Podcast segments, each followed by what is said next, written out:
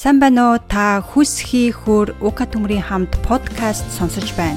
Та энэ подкастаар онлайн бизнес, маркетингаас авахуулаад хувь хүний хөгжил, өөрийгөө хөгжүүлж бүтээх, дасгал хөдөлгөөн, фитнес, эрүүл амьдралын хэв маяг, өдөр тутмын дадал хэвшил, муу зуршлаа хэрхэн хаях вэ, амжилтанд хүрэхин тулд хүн яах ёстой вэ, юун дээр анхаарах вэ гэдэл олон янзын сэдв сонсохоос гадна би танд хэрэгтэй гэж бодож байгаа бүхэл зөвлөгөө, арга барил өөрийн туршлагаас хуваалцах болно. Өнөөдрийнхөө энэ подкастаар ажлаа хойш тавьдаг муу зуршлаасаа яаж салах вэ тухай ярих хүсэлтэй байна.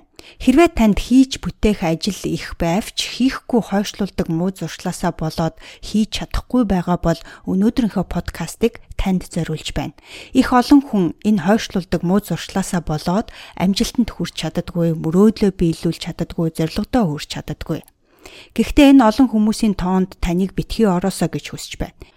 Яагад гэвэл хийх юмаа хийх нь чухал гэж мэдсэн мөртлөө хойшлуулах нь тэм сайхан мэдрэмж төрдгөөг бид бүгдээрээ мэднэ. Өргөлж тархины цаана хийхгүй бол хийхгүй бол гэсэн тийм бодол арилахгүй байж байдаг тийм ээ. Тийм учраас би хойшлуулах муу зуршлаа хэрхэн даван туулах тухай оруулж байна. Та дуустал нь сонссны дараа хийхгүй хойшлуулдаг муу зуршлаасаа салах чухал арга барилуудыг мэдэж авах учраас та даврын түүнийгээ хэрэгжүүлж эхлэх боломжтой болно. Хийхгүй хойшлуулах нь бидэнд их муу нөлөөтэй байдаг. Бид хийхгүй байснаас бүх юм хойшлогддог. Бүх үйл явц хойшлогдно. Бидний ололт, амжилт, урагшлалт, хөгжил, мөрөөдөл, зориг бүгд хойшлогдно. Альва ямиг хийж бүтээсний дараа төрдөг тэр сайхан мэдрэмж хүртэл хойшлогдох болно. Энэ нь олон удаа давтагдвал бид өөрсдийнхөө үнцэн итгэл үнэмшлийг алдаж эхэлдэг. Тиймээс энэ хойшлуулдаг муу зуршлаасаа салах нь чухал байдаг л да. А салах боломжтой гэвэл салах боломжтой. Яаж вэ гэдгийг мэдхээс өмнө яагаад хойшлуулдаг вэ гэдгийг мэдэх нь зүйтэй байх гэж би бодож байна. Хүн бүрийн хойшлуулдаг шалтгаан нь өөр өөр байдаг. Миний хувьд бол хоёр шалтгаан бий. Ямар нэгэн юм хийхдээ заавал бүрэн төгс хийхийг хичээдэг л дээ би өөрөө. Тэгээд сансанд хүрэхгүй бол хийхгүй хойшлуулдаг. Нөгөө нь юу вэ гэвэл хангалттай цагтаа болохыг хүлээдэг. Цаг гарч өгөхгүй бол хойшлуулдаг. Жишээлбэл хийх гэж байгаа ажилд нэг цаг шаардагдах хэрэгтэй байлаа гэж бодъё л доо. Хэрвээ надад нэг цаг биш 40 минут байвал би хийхгүй хойшлуулна.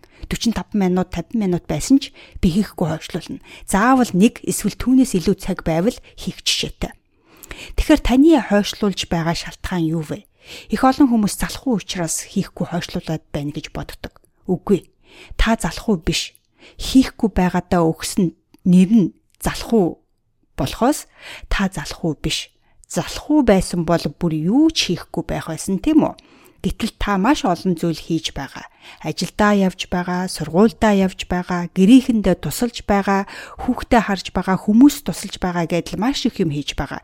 Зөвхөн тухайн юмыг хийх гэхээр яг юу саад болж байгааг олж мэдэх хэрэгтэй. Тэр юу юу байж болох вэ?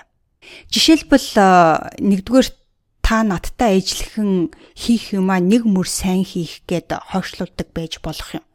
Нэг мөр сайн хийхин тулд маш их олон зүйлийг мэдэж авах шаардлагатай болно. Маш олон зүйлийг төгс сайн хийх хэрэгтэй болно. Энэ нь өөрөөсөө их юм шаарддаг учраас түндэ ядраад хийхгүй хойшлуулсан байж болно. Хоёрдугаарт та өдөр болгон маш их юм хийдэг учраас танд хангалттай цаг байхгүй байгаа. Өөрөөр хэлбэл хийдэг олон ажлуудаа зөв хуваарлж чадахгүй байна гэсэн үг. А гуравдугаарт ямар нэгэн юмыг хийн гэдг нь өөртөө хариуцлага хүлээлдэг хүлээлгдэгийг бид мэднэ тийм ээ.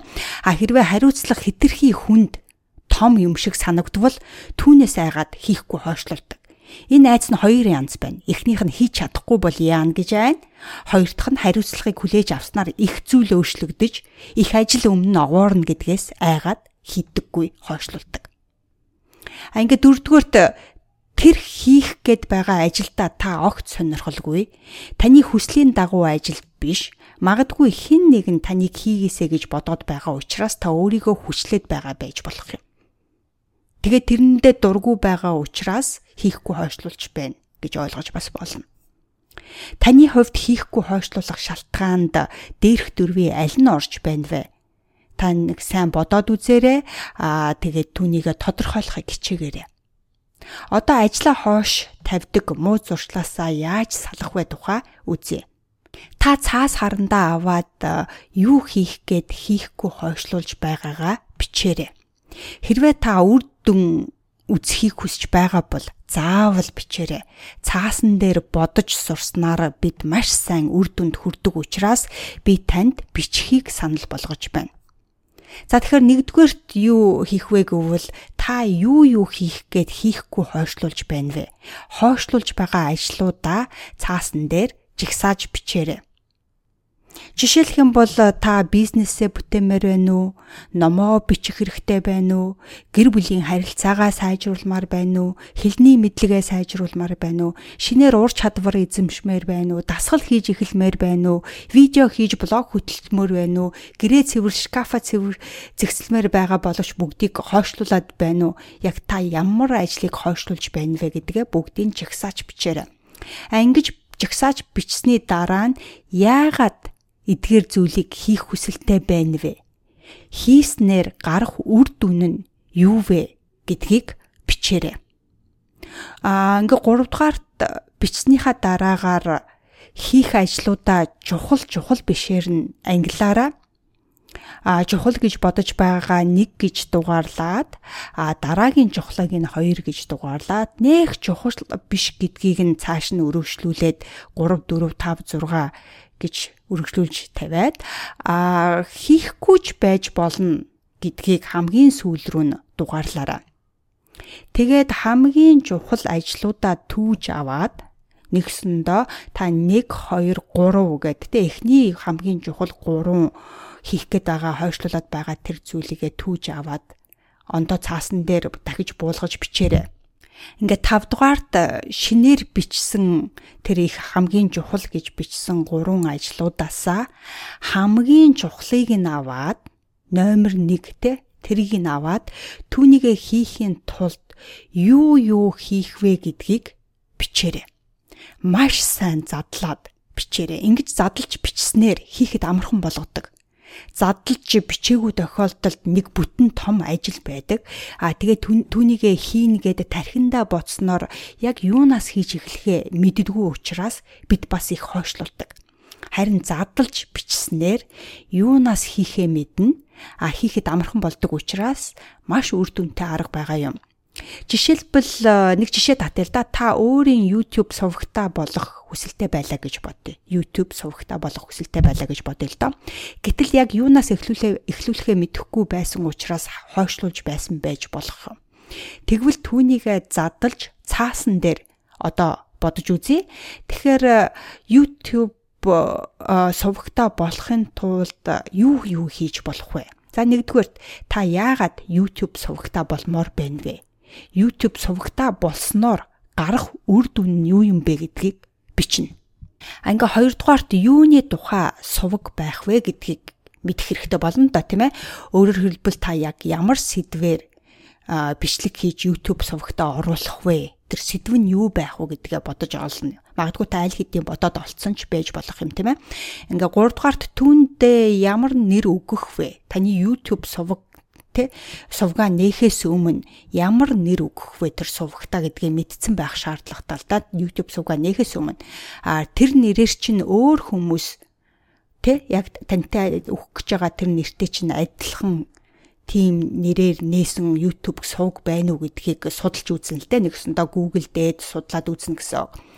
А ингээд дөрөвдүгээрт youtube.com руу орж сувгаа нээн нөгөө имэйл хаягаа бүртгүүлээд нэрээ тавиад бүх төр э, мэдээлэл хийгээд YouTube руу ороод сувгаа нэ.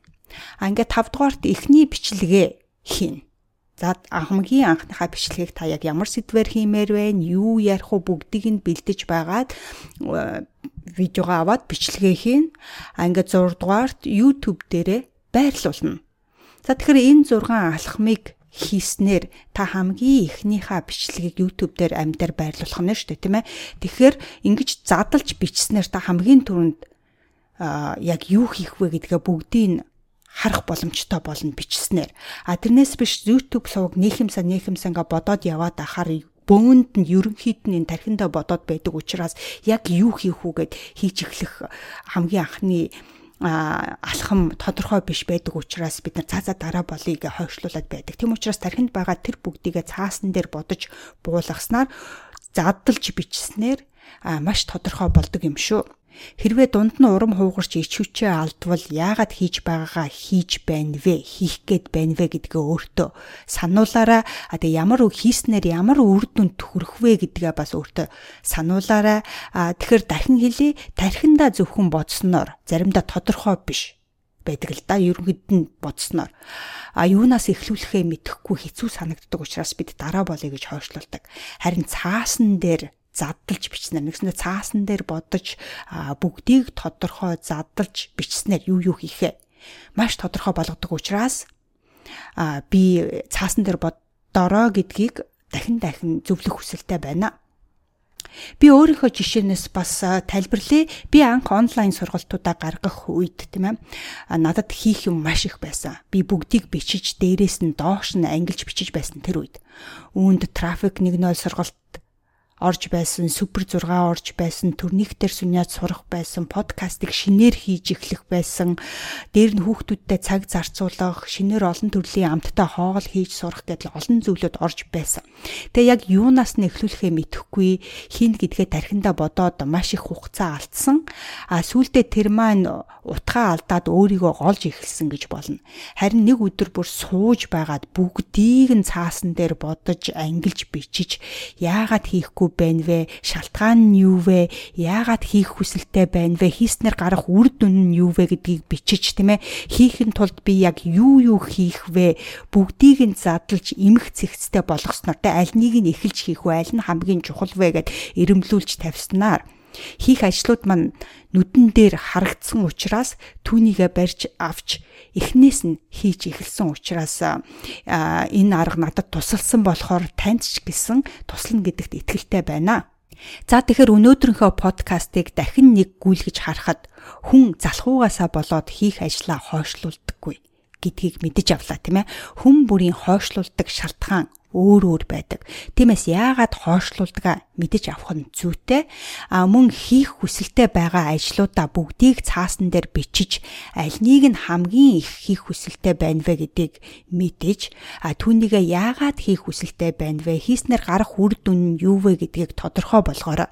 Эцэст нь хийхин тулд юу юу хийх вэ гэдгийг бүгдийг задлж бичиж тодорхой болгох. Нэгсэндээ цаасан дээр бодож бичнэ гэсэн үг. Ингэж чадвал бид хийж хийхгүй хойшлуулдаг муу зуршлаасаа салах болно.